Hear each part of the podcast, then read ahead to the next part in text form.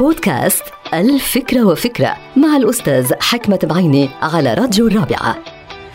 من أهم صفات الإنسان الحقيقي واللي عنده أخلاق من أهم هذه الصفات هو التواضع.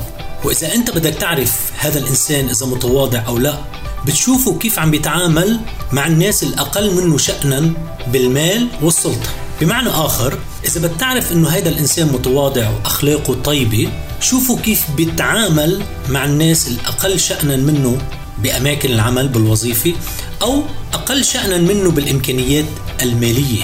لأنه بهالمعيارين هودي فيك تعرف إذا هذا الإنسان متواضع معطاء يرأف بالآخرين يحترم الآخرين عنده أخلاق حسنة. من هالمعيارين المال والسلطة بتعرف إذا هذا الشخص هو إنسان حقيقي.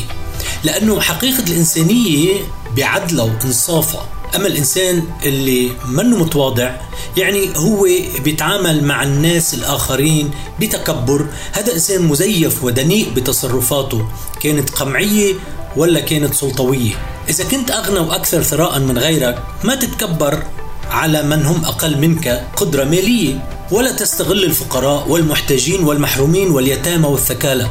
فمن يملك السلطة والمال ولا يحسن التصرف بهما يقع في فخ التكبر والتسلط والفوقية. ومن يملك السلطة والمال ويتصرف بهما بحكمة واحترام وتقدير ومحبة يدخل التاريخ الإنساني من بابه العريض. انتهت الفكرة هذه الحلقة مقتبسة من كتاب الفكرة وفكرة.